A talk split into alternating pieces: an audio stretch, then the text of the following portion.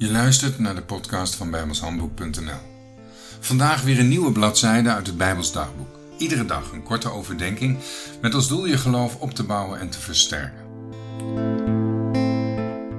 De muziek bij deze podcast is geschreven en uitgevoerd door Jack Andrew. Het is vandaag 1 februari en deze maand wil ik graag met jullie het onderwerp wedergeboorte bestuderen. En ik begin met het lezen van Johannes 3, vers 6. Hetgeen uit vlees geboren is, is vlees. En hetgeen uit de geest geboren is, dat is geest. Ook in andere godsdiensten kent men een dergelijk woord, namelijk reïncarnatie. Letterlijk betekent dat vleeswording.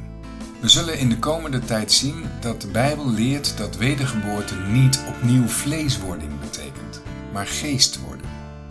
Reïncarnatie is dus niets meer dan een verbastering van de leer van de wedergeboorte.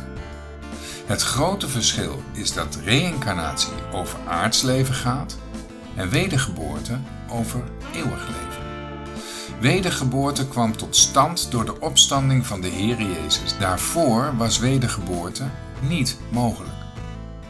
Ondanks dat het woord maar zes keer voorkomt, kun je wel stellen dat wedergeboorte het centrale onderwerp is in de Bijbel.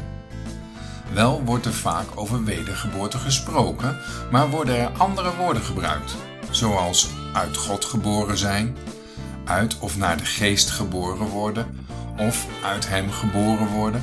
Volgens de Bijbel is wedergeboorte het middel of de methode van God om een oude en onvolmaakte schepping te vervangen voor een volmaakte nieuwe schepping.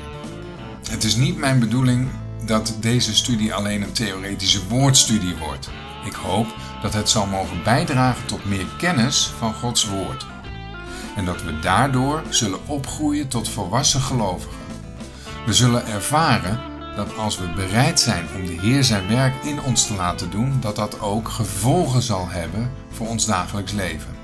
Het zal namelijk ons denken en inzichten die van nature betrekking hebben op de oude schepping, veranderen, om vervolgens te ervaren dat je meer gericht wordt op de toekomst, een volmaakte nieuwe schepping.